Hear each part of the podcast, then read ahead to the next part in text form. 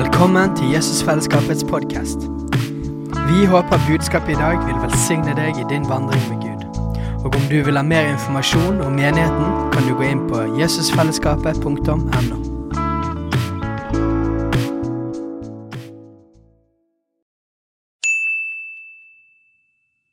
Hei!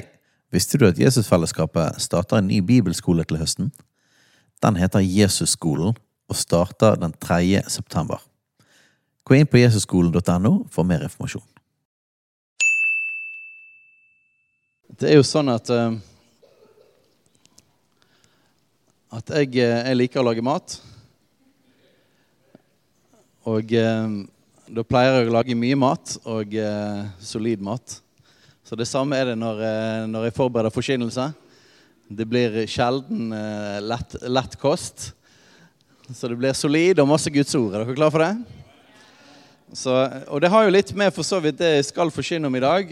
For det, det handler om eh, den måten vi forstår menighet på. Hva er Guds menighet? Eh, og eh, jeg vil jo påstå, da, og det er jo det vi skal se på, at, at det er sånn òg Bibelen beskriver hva Guds menighet er for noe. Men det er ganske sånn populært for tiden å tenke at menigheten er primært enten for oss, vi som er her, de kristne, eller at menigheten er primært for de som ikke kjenner Jesus ennå.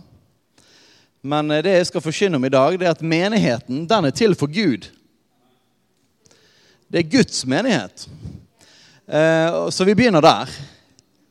Og når det er Guds menighet, så gjør det noe med hvordan vi tenker, og vi tenker hvordan han bygger sin menighet. Så det er ikke primært for oss. Det er ikke primært heller for de som ikke ennå tror. Det er primært menighetene til ære for Gud. Så da har dere fått konklusjonen helt fra starten av. Eh, så vi skal se på en del av Guds ord på det, men jeg har lyst til å be inn i det først. Far, jeg ber at du skal eh, forberede våre hjerter, at, at våre hjerter skal være god jord, så du kan putte ditt ord inn i her.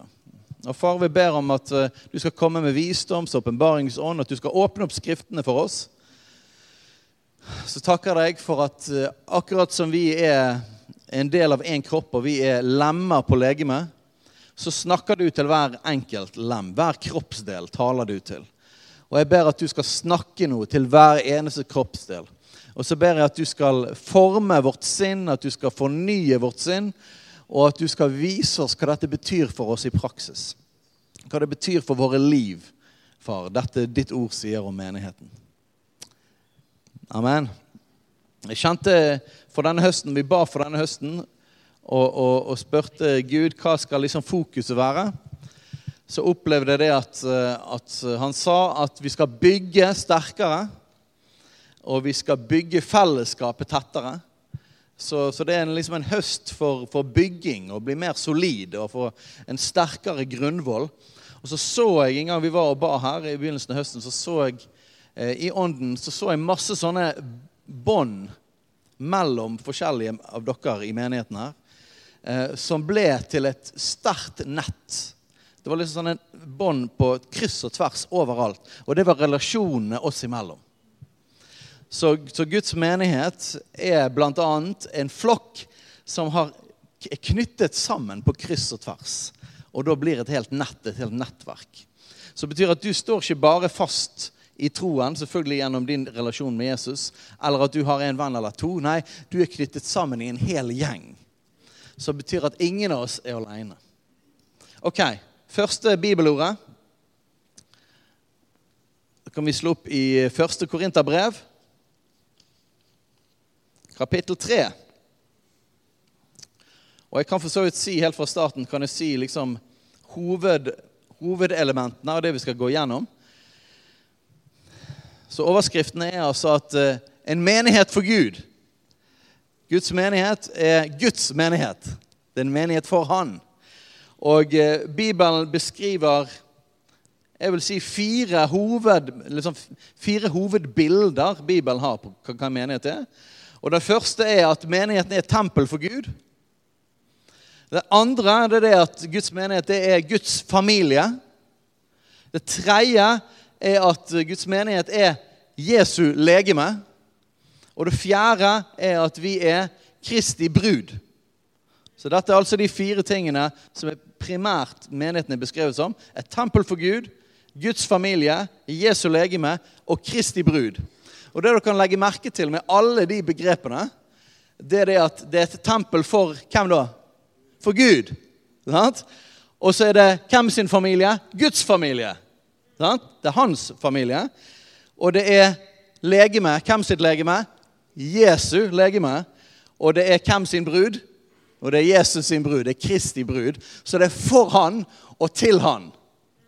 Og eh, Det ser vi òg i første, eh, nei, i første kapittel i Kolosserbrevet. Der står det om liksom hele hensikten med universet. altså, Hele eksistensen. Og alt er for han og til han. Så det, det er der vi må begynne.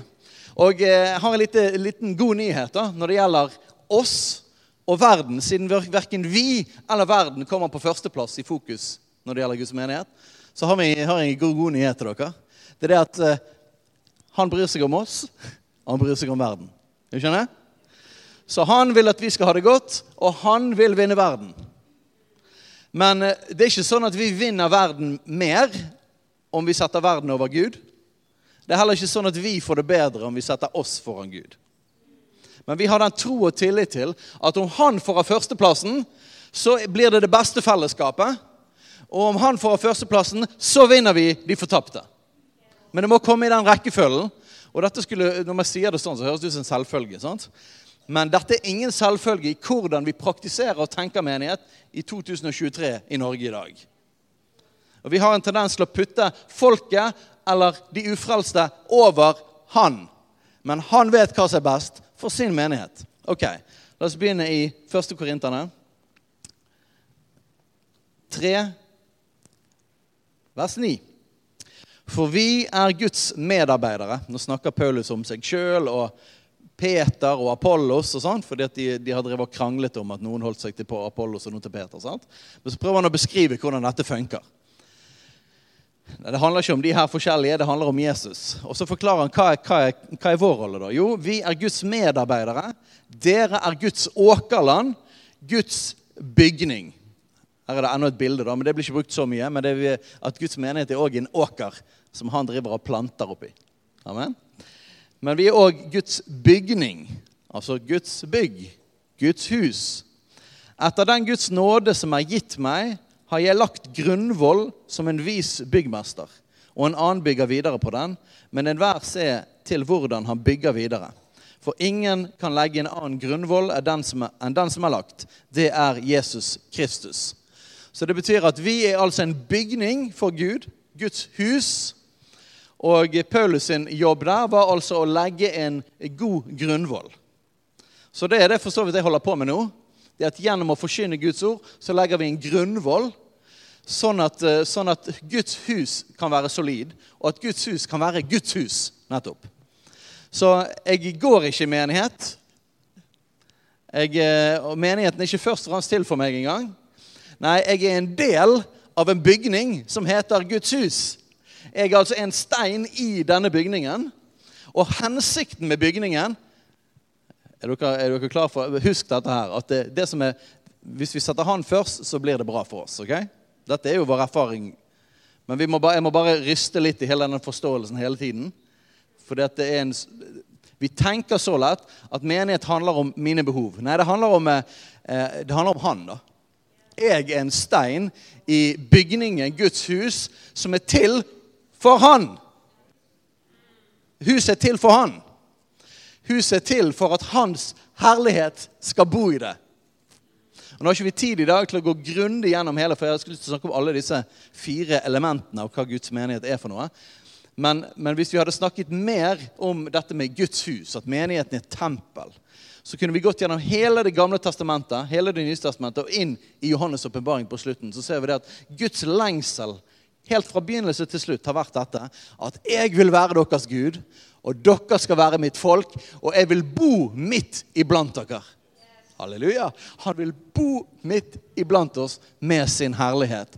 Så hensikten med Guds hus, om det var tabernaklet mens israelsfolket var i ørkenen tabernaklet som var midt i leiren. Sant? Så kom Guds herlighet på det. Hensikten med tabernaklet, også tempelet som ble bygget. Husker dere Salomos tempel som ble bygget, og så kom Guds herlighet og fylte huset? Og hensikten med tempelet i den nye pakt, som er Guds menighet, det er oss, levende stein, som blir puttet sammen. Hensikten er Guds herlighet midt iblant oss. Menigheten er kalt til å være et møtepunkt mellom himmel og jord. Vi sammen, som har individuelt Vi har kobling til Jesus. sant? Vi snakket jo det, gikk inn i evangeliet sånn, i, i nattverden. Gjennom Jesu blod så har vi fått tilgang inn i det aller helligste. Og sammen så blir vi et tempel. Et møtepunkt mellom himmel og jord. Det er hovedhensikt. Det er hensikt nummer én med Guds menighet. La oss ta et vers til på det. Andre Korinterne, kapittel 6.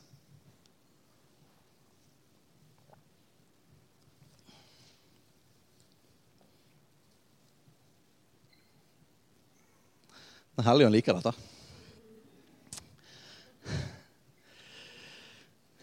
Andre Korinterne kapittel 6, vers 16.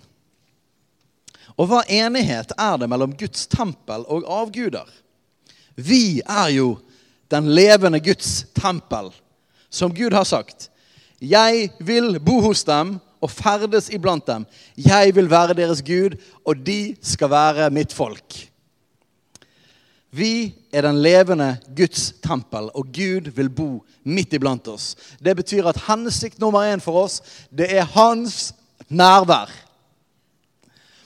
Så vi fokuserer dermed ikke på hva er det vi kan si og gjøre som kan være støtende for kristne og ikke-kristne.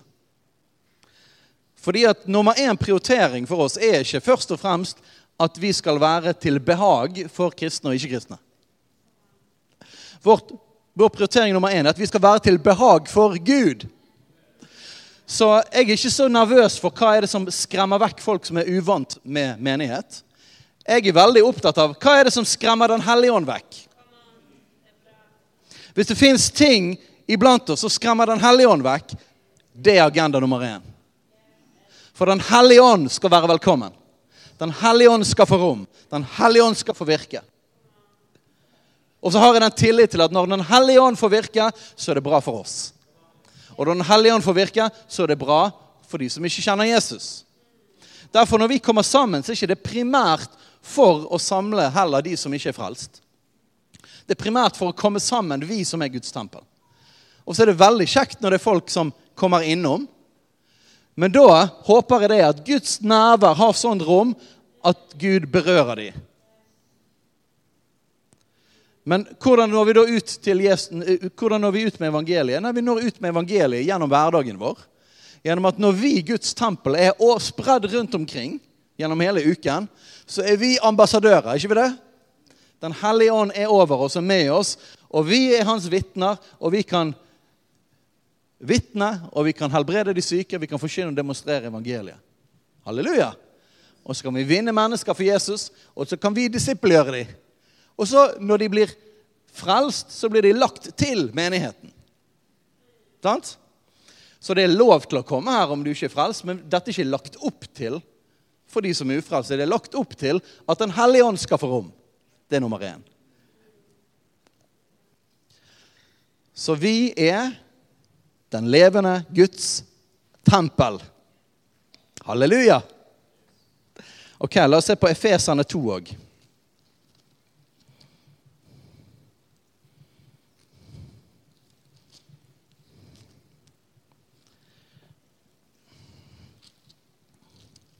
Efeserne 2. Dere vet at forståelsen av menighet er en av hovedgrunnene til at veldig store deler av Guds menighet i Norge og Vesten er vei, på vei til å skli vekk ifra Guds ord. Visste dere det? Det er fordi at vi har først kjøpt premisset at vi er, vi er til først og fremst for de som ikke kjenner Jesus, og så gjerne for de som allerede er kristne. Så det betyr at hvis noe støter de kristne, så må vi ta hensyn til det.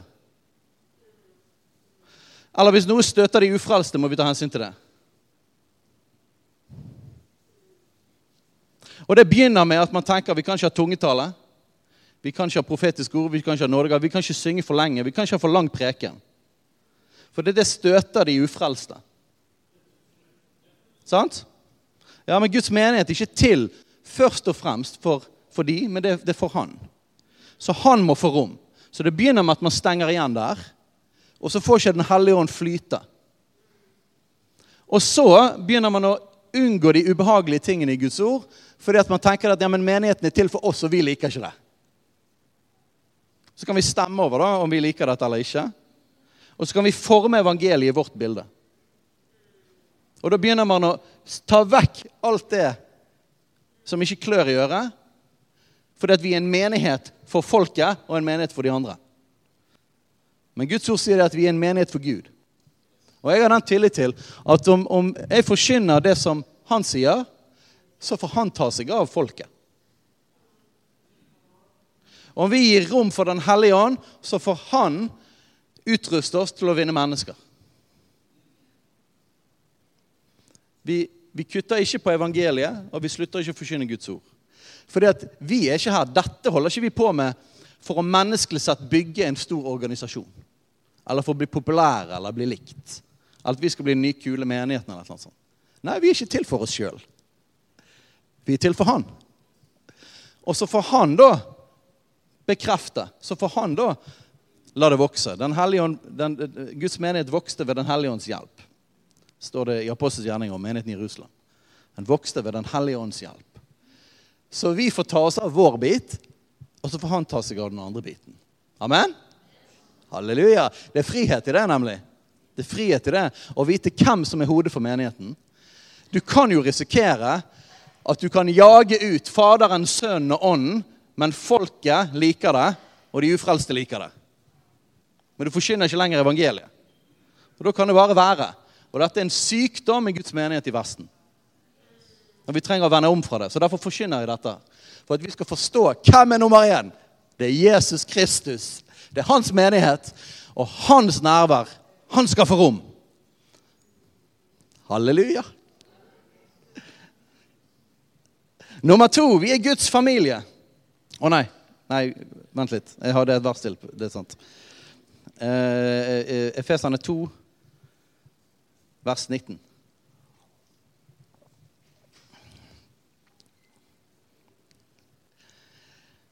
så er dere ikke lenger fremmede og utlendinger, men dere er de helliges medborgere, Guds husfolk, eller Guds familie. Bygd opp på apostlenes og profetenes grunnvoll, og hjørnesteinen er Kristus Jesus selv. I ham blir hele bygningen føyd sammen og vokser til et hellig tempel i Herren. I ham blir også dere, sammen med de andre, bygd opp til en Guds bolig i ånden. Så vi er altså et hellig tempel for For hvem da? For Han. For Herren. Ikke for oss, ikke for de andre. For Han. Og vi blir en Guds bolig i ånden. Så hvem skal få rom hos oss? Hvem skal få rom i huset? Det er Gud, for det er hans hus. Dere vet det at eh, hos oss er det sånn at vi er verken ledet av et demokratisk flertall. Vi er heller ikke ledet av meg, en diktator som kan gjøre hva jeg vil. Det er Jesus Kristus som er hodet for sin menighet. Så det betyr at det er hans ord som gjelder. Jeg har ikke noen autoritet til å trekke fra eller legge til det. Så hvis jeg ikke forkynner og gjør det han sier, så kommer han til å avsette meg. Enkelt og greit. Det er han som er sjefen. Så jeg får gjøre min bit, og du får gjøre din bit. Så den kroppsdelen som du er Og så er det han som føyer legemet sammen. Så er det han som kommer med liv, så er det han som kommer med vekst. Det er en veldig frihet i det òg. Det betyr at jeg trenger ikke gjøre noe for å bli likt. Eller, eller for, jeg trenger ikke gjøre noe for å få menneskelig suksess. Jeg kan bare være lydig mot han. Er ikke det herlig? Det er en frihet i det. Jeg står til ansvar for han, og det gjør jeg hver eneste dag, på kne. Og man gjør ikke alt rett. Og da veileder han oss, og han veileder oss sammen i fellesskapet. Men det er han som er sjefen. Og så kan vi hver dag bøye oss for han, bøye kne for han, si at 'jeg tilhører ikke lenger meg sjøl, jeg tilhører deg'. men du er en god far. Du er en god herre. Og hva sto det annet enn at vi var en Guds bolig i ånden og et tempel for Gud? Det står i det første verset der, vers 19, at vi er de helliges medborgere og Guds husfolk. Vi er Guds familie. Fantastisk. Gud, han er en far. Så han har ikke bare et tempel, men han har en familie. Og i den familien så er far han er hodet. Og så er vi hans familie. Og Jeg pleier å si dette når det gjelder Guds familie. at det, Jeg er så glad for at jeg har fått blitt Guds barn ved troen på Jesus. Er du glad for det? Jeg er så glad for det. Jeg er blitt et Guds barn. Men det som jeg oppdaget etter hvert, det var det at når jeg ble hans barn, så fikk jeg søsken. Jeg er ikke et enebarn. Og så slo det meg plutselig at når Jesus gikk rundt og så sa han til forskjellige folk sånn Følg meg. sant? Følg meg. Og så slapp de det de hadde, og så fulgte de han. Så slo det meg plutselig at det var faktisk ikke mulig å si 'Jesus, jeg har lyst til å følge deg, men jeg har ikke lyst til å være med den andre gjengen.' der. Det går ikke an. Da hadde Jesus sagt 'Vel, da kan ikke du følge meg'. Så det funka liksom ikke. For Peter, alle disse folkene var rare, var ikke de? De var ubehagelige, de var definitivt umodne. Hadde masse greier. Det leser vi om. Helt ufiltrert i evangeliene. Jeg er helt sikker på at de ikke alltid likte hverandre. Sant? Men hvis du skulle følge Jesus, så måtte du være i del av gjengen. Du måtte ha Peter og Johannes ved siden av deg. Hele gjengen. Så når Jesus sier 'kom, følg meg', så sier han 'kom og følg meg sammen med en flokk'. Hvis Gud er din far, så har du søsken. Så vi får bare forsone oss med det, først som sist. Og, og, når, og, når, det gjelder sånne ting som har med at vi mennesker vi feiler, vi kan gjøre, vi, vi kan gjøre feil, enten det er ledere eller andre Alle, alle kristne har irriterende sider. Og så blir vi mer og mer formet til hans bilde. sant? Men jeg er sikker på det, at jeg har, hvis jeg hadde tatt og klonet meg sjøl, eller vi hadde klonet deg La oss si at vi hadde lagd ti stykker av deg. da, Helt nøyaktig like puttet deg på en øde øy, så jeg er ganske sikker på at man hadde klart å få splittelse med den gjengen òg. Helt sikker. Bare meg om formiddagen i forhold til meg om kvelden. Ikke sikkert vi hadde likt hverandre. Så vi må bare forsone oss med det. At relasjoner er utfordrende. Men det er òg det vi trenger. Og Guds familie, den, den, fysiske kjernefamilien, er jo et bilde på familien. På, på Guds familie. Og så er det jo sånn at vi kan knuffe, vi kan, vi, vi kan ha utfordringer, og vi må jobbe med relasjonene hele tiden. Men så blir vi glad i hverandre. blir ikke vi det? Så har vi et bånd som er dypere, som er kraftigere, som er sterkere enn de motsetningene og forskjellene vi har. Vi trenger familie. Og faktisk er det sånn at vi trenger til og med det som er irriterende. Når barna, når barna krangler i baksetet, og de knuffer, og de syns jo alltid de har for liten plass. At de andre liksom er de som breier seg for mye. og sånn som det. Så vet vi at dette er veldig viktig for hele deres dannelse som mennesker. Dette med å lære å måtte ydmyke seg, lære å forholde seg til andre. Sant? Så vi er Guds familie, og det betyr at vi er søsken. Gud er en far, vi er hans barn, vi er søsken. Og så er det sånn at eh, i Efeserne jeg skal ikke gå langt inn i det da, men både i Efeserne 5, 23 ut til 6, 4, der står det både om ekteskapet, det står om mann og kvinne, og det står noen, noen, eh, noen utfordrende, kontroversielle ord der. Det står om, om underordning, at, kvinnen skal underordne seg mannen. Så står det at mannen skal elske kvinnen sånn som Kristus elsket menigheten. Og På slutten her så står det at dette mysteriet er stort. Det taler her om Kristus og menigheten. Men dere skal også gjøre det, forresten. Så understreker han etterpå at det, så han snakker om to ting samtidig. Han snakker om familie, han snakker om ekteskap, men han snakker òg om ekteskapet. Så hva betyr det? Det betyr at familien og ekteskapet er et bilde på Guds familie. Det er et bilde på forholdet vårt med Han. Og så står det rett etterpå så står det om at dere barn skal ære deres far og deres mor. Og det er det første budet som har et løfte tilknyttet seg, nemlig at du skal få leve lenge i landet. Så det betyr at det finnes en velsignelse i det, fys i det naturlige, men òg i den Guds menighet som vi er en del av. Så det er en velsignelse å tilhøre en familie. Det er en, det er en velsignelse å, velsign å, å, å ære sin far og sin mor. Det er en velsignelse å leve etter Guds ordninger i ekteskapet.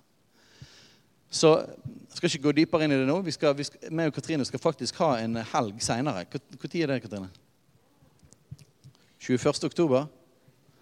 Fredrik vet. Det er en lørdag. For vi har begynt å reise litt rundt i landet. Eh, fordi vi har snakket en del om dette med mann og kvinne og ekteskapet. Ja, I i, i, i podkaster og sånn som vi har. Og så er det flere som er liksom sulten på den undervisningen. Så vi har begynt å reise litt rundt og undervise om dette med mann og kvinne. Og Guds ordninger og de tingene der. Så tenkte vi det at siden vi underviser om det til andre folk, og de syns det er bra, så er det noe med å gi det til vår egen menighet òg. Så jeg skal ikke gå dypere inn i det nå, men jeg vil bare nevne dette med at familie og ekteskapet er, det er en sterk sammenheng mellom det og Guds ordninger for menigheten. Ok? Så vi er Guds familie. Halleluja. Og eh, Gud han er hodet i familien. Sånn er det. En liten kjapp ting da om underordning, bare for å liksom slenge det ut. Folkens, vi trenger å bli komfortabel med begrepet underordning. Trenger å slå oss til ro og slappe av med det ordet der. Halleluja. Og vi trenger å få avslørt verdens ånd, som sier at underordning er lik undertrykkelse. Vet du, Det er en løgn fra helvete, og det kommer fra diverse ideologier som du kan høre på Kulturkrigen. hvis du lurer på hvor det kommer fra. Men det kommer ikke fra Guds ord. Vi trenger å bli komfortable med det. Og så har jeg lyst til å minne deg om det. Hvis du har Jesus som herre Noen som har Jesus som herre? Noen som har fått følge Jesus? Ja, Hvis du har Jesus som herre, så har du underordnet deg han, og han er ditt hode. Og jeg regner med at du har, hvis du har hørt det evangeliet, at du syns at det er verdt det. Sant? At det er faktisk bedre å tilhøre Jesus enn å være sjef på egen hånd. For at evangeliet er sånn at det er frihet i å leve i Guds ordninger. Det er frihet. Det er opp ned av det verden sier. Men djevelen, han som gjorde opprør mot Guds, mot Guds, ordninger, han vil hele tiden gjøre opprør mot det. Han vil hele tiden si at nei, dette stjeler frihet, det stjeler glede. Det vil, det vil binde deg. Men saken er at det er djevelen som binder. Opprørets ånd er det som binder oss. Men å bøye seg under Jesus Jeg gjør det hver dag. Hver dag så bøyer jeg meg, ydmyker jeg meg for Jesus. Jesus, jeg bøyer meg for deg. Jeg legger alt ned. Jeg slipper tak i det. Jeg, hver eneste gang så kjenner jeg en frihet. Det er en sånn frihet i å bøye seg for Jesus. Når vi ydmyker oss for han, så løfter han oss opp, faktisk. Fordi at han ga sitt liv for oss. Ja, Jeg kan ikke snakke mer om underordning, men jeg ville bare nevnt det. Ikke vær som verden, som bare det sier nei når du hører det. Nei, si ja i ditt hjerte. Dette er Guds gode plan for mitt liv, og det gjelder hver eneste en av oss. Halleluja. Så vi er Guds familie. Det var nummer to. Nummer tre vi er Jesu legeme. Vi er kroppen til Jesus. Da kan vi ta, i, ta første Korinterne, kapittel 12.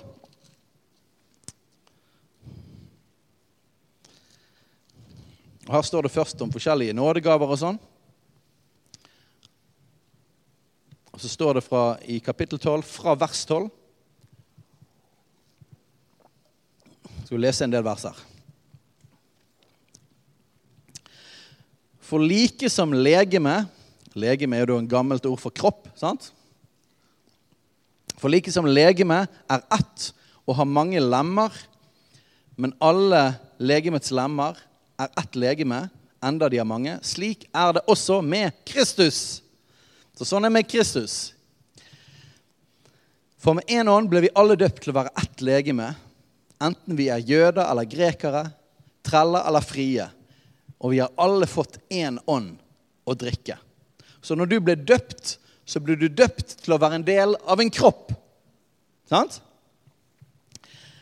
Legeme er jo heller ikke ett lem, men mange. Om foten skulle si, fordi jeg ikke er hånd, hører jeg ikke med til legeme, så hører den like fullt med til legeme. Det betyr at om du tilhører Kristus, så er du en kroppsdel på hans kropp. Og ingen av oss kan si fordi at jeg ikke er den kroppsdelen eller den kroppsdelen, så hører ikke til på kroppen. Nei, vi hører like fullt med på kroppen. Og jeg tror at mange tenker sånn at jeg er ikke viktig. Jeg har en meningsløs funksjon. Eller jeg vet ikke, jeg vet ikke hva, jeg er ikke sånn eller jeg er ikke sånn. Nei, er du døpt til Jesus Kristus, så er du blitt en del av hans kropp. Og jeg vet ikke hvordan du har det med dine kroppsdeler, men jeg vil ha alle sammen. Og jeg vil at alle sammen skal faktisk virke. Sant? For om fingeren min plutselig blir lam, så syns jeg ikke det er noe kjekt.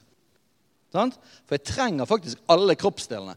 Og jeg vet ikke om du noen gang har opplevd å, å, å liksom knekke et eller annet eller få et eller annet sår eller skade deg i en eller annen kroppsdel. Men når du merker at den ikke fungerer, da kjenner du hvor godt du trenger den. Eh? Og man har gjerne ikke tenkt over det før. Jeg, sånn, jeg går ikke rundt og tenker på hvor viktig lilletåen min er. Men hvis plutselig liksom, jeg har koldbrann i lilletåen, da merker jeg det at jeg trenger lilletåen. Skjønner dere? Alle kroppsdeler er viktig. Alle kroppsdeler er viktig. Jeg har lyst til å bare be inn i det mens vi snakker om det. Jesus, jeg ber om en åpenbaring for hver eneste en om hva det vil si å være en kroppsdel. Og Jesus, du som er hodet, du som taler til hele kroppen. Akkurat som kroppen vår, hjernen vår, sender signaler inn i alle kroppsdelene. Du som er hodet, jeg ber at du skal snakke til hver eneste en av oss. Og at du skal åpenbare for oss hva kroppsdel vi er. Hva funksjon vi spiller i kroppen. Og far, jeg ber ja, i Jesu Kristi navn vil jeg bare bryte av den løgnen fra fienden som sier at du er en uviktig kroppsdel. Som sier at om du er vekke, så har det ingenting å si. Nei, det har noe å si. I Jesu Kristi navn bryter jeg det av, og jeg ber far om åpenbaring til hva det vil si. Hva det kan si i praksis, sånn at kroppen, hele kroppen kan komme i funksjon. I Jesu Kristi navn. Og akkurat når jeg ba om det, så så jeg bare for meg Det er sånn typisk sånn her typisk sånn meme i forhold til eh, folk som driver av boler og trener masse. sant? Har dere hørt om dette her med sånn her eh, leg day? At man ikke har liksom eh, trent beina sine ordentlig? Har dere sett de som har en gigantisk overkropp? og sånn som det, For det er gøyest å liksom trene armene og sånn. Og så er de veldig sånn tynne, små bein. Sant?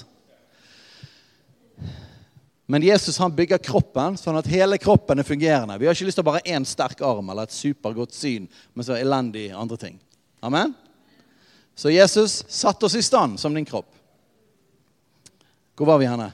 Fordi jeg ikke, Om foten skulle si fordi jeg ikke hånd hører jeg ikke med til legemet, så hører den like fullt med til legemet. Ikke, ikke bli lurt av fienden til å tenke at du skal være en annen kroppsdel enn det, du er.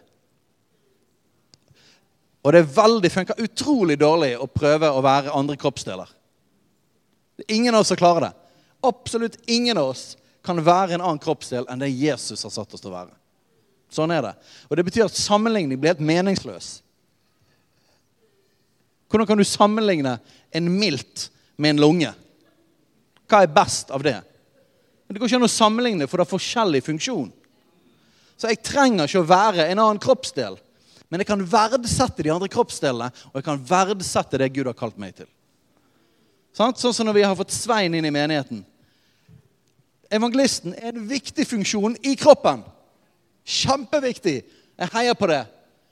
Og så er jeg kjempeglad for at det ikke er sånn at hele kroppen skal være evangelister. Det hadde ikke vært sunt. Så slapp helt av. Men ta imot den nåde Gud har gitt den enkelte, og er det. Og si at dette er, en, dette er en refleksjon av Jesus. Dette er en bit av Jesus. Takk, Jesus. Jeg heier på det. Jeg vil ta imot det. Men det er ikke hele Jesus. Gud har intensjonelt begrenset oss, sånn at vi ikke alle sammen kan reflektere hele Jesus. Hvorfor det, da? For at vi skal trenge hverandre. Vi må ha hverandre. Vi er skapt med intensjon med blindsoner. Er ikke det utrolig?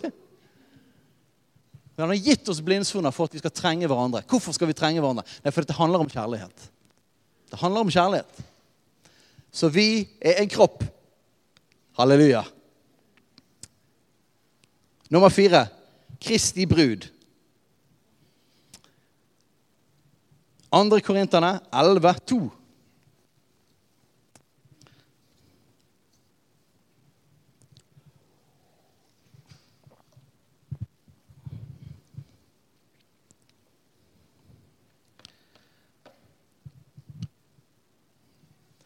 For jeg er nidskjær for dere med Guds nidkjærhet.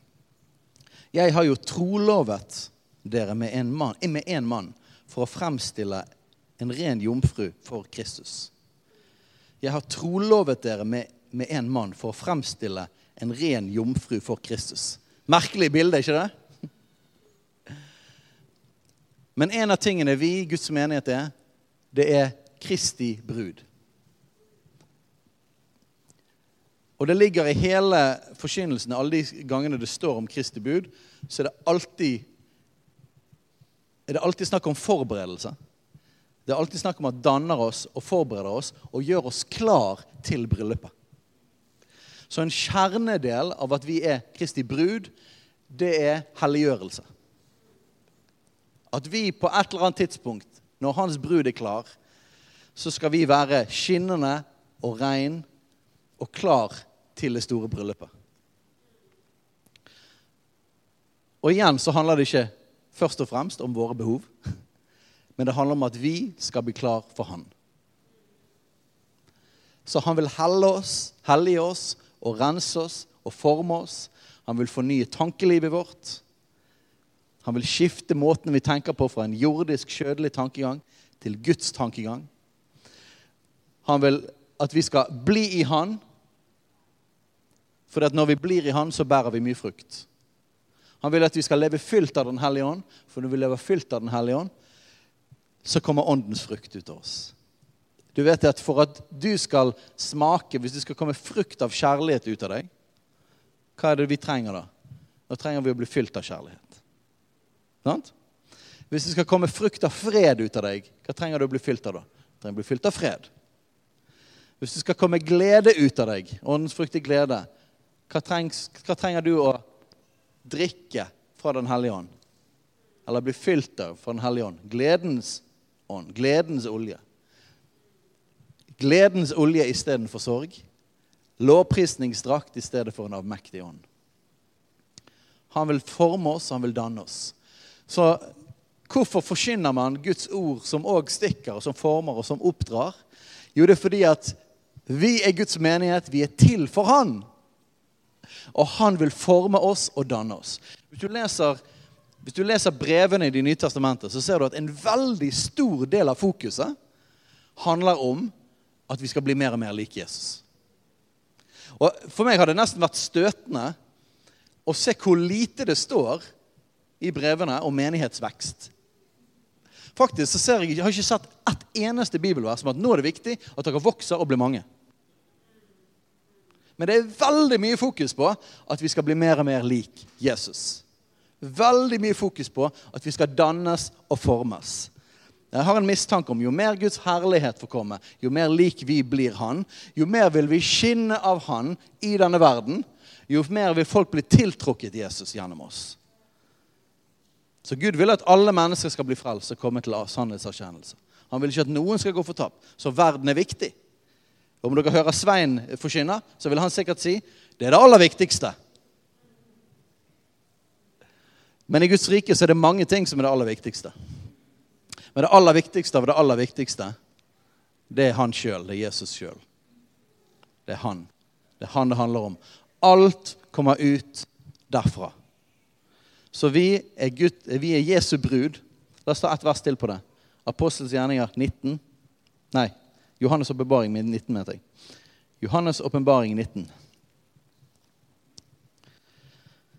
Det står litt mer om dette. Vers 7.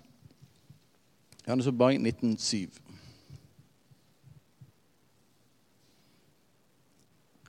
Og videre derfra. La oss glede oss og fryde oss og gi ham æren. For lammets bryllup er kommet, og hans brud har gjort seg rede. Det er henne gitt å kle seg i rent og skinnende fint lin. For det fine lin er de helliges rettferdige gjerninger. Ser dere det? Så det at vi ser vakre ut, det er de rettferdige gjerningene som kommer ut av oss. Ikke lovgjerningene. De er ikke særlig vakre. Sant? Lovgjerningene er strev vi prøver å gjøre for å gjøre han glad. eller for å gjøre han tilfreds med oss i vår egen kraft. Det kan se veldig likt ut, men drivkraften er totalt forskjellig. Rettferdige gjerninger er at vi har erkjent det at vi trenger Hans nåde. At vi ikke får det til sjøl, men vi har overgitt oss til Hans godhet, Hans nåde, Hans tilgivelse. Og så har Han tatt bolig i oss, og ut av vårt liv så kommer det et ønske om å leve til ære for Han. Sant? Det er annerledes. Det er til stor glede for Jesus. Så når vårt liv er en tilbedelse, de rettferdige gjerningene, så gir det han ære. Så bruden blir gjort klar, og måten bruden blir gjort klar på, er at vi blir mer og mer lik han. Vi blir mer og mer preget av han. Og så på et eller annet tidspunkt så er tiden inne. Det fine lin er de helliges rettferdige gjerninger. Så neste vers. Og han sier til meg, skriv, salig er de som er innbudt til lammets bryllupsmåltid. Amen. Så en gang skal vi alle sammen, hele Guds folk, stå foran Jesus som hans brud. Så vi er altså nummer én så er vi et tempel for Gud. Der hensikten er at hans nærvær skal bo midt iblant oss. Det er hensikt nummer én.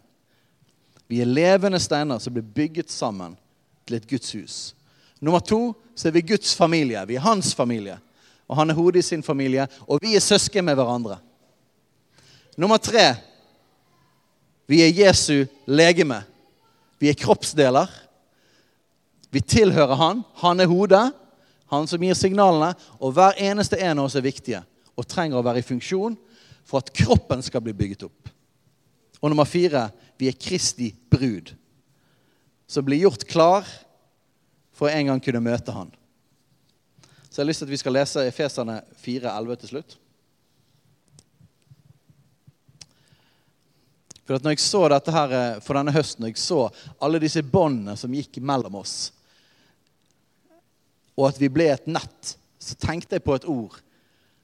Hvert støttende bånd. Hvert støttende bånd. Kjente jeg kom. Og så bare, Hvor er det det står henne?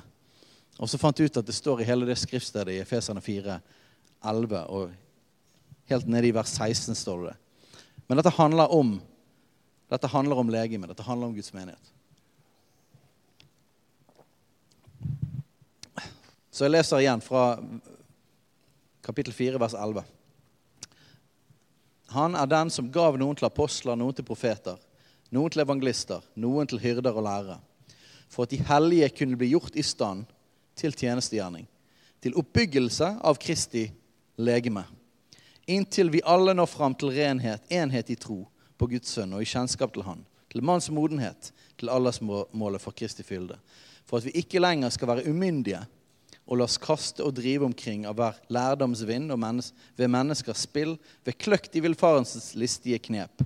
Sannheten tro i kjærlighet skal vi i alle måter vokse opp til ham som er hodet, Kristus. Ved ham blir hele legemet sammenføyd og holdt sammen med hvert støttende bånd. Alt etter den virksomhet som er tilvårt, tilmålt hver enkelt del. Slik vokser det i sin vekst som legeme, til sin oppbyggelse i kjærlighet. Her er det heftige, kompliserte setninger i alle tingene.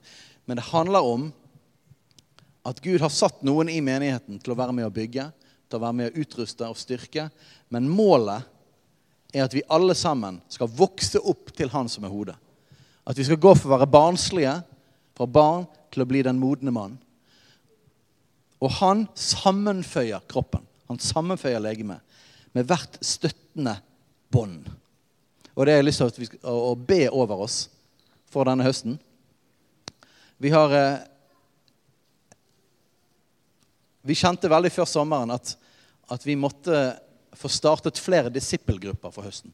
Det kom flere nye inn i menigheten. Det kom til en del nyfrelste inn i menigheten. Og vi trenger å gjøre disipler, og vi trenger å koble folk ordentlig inn i kroppen. Så Derfor har vi fått startet mange nye disippelgrupper nå. Og jeg er så glad for å se, både i vår gruppe og andre sin gruppe, det at mange nye folk som er lagt til menigheten, får knyttet bånd og knyttet relasjoner.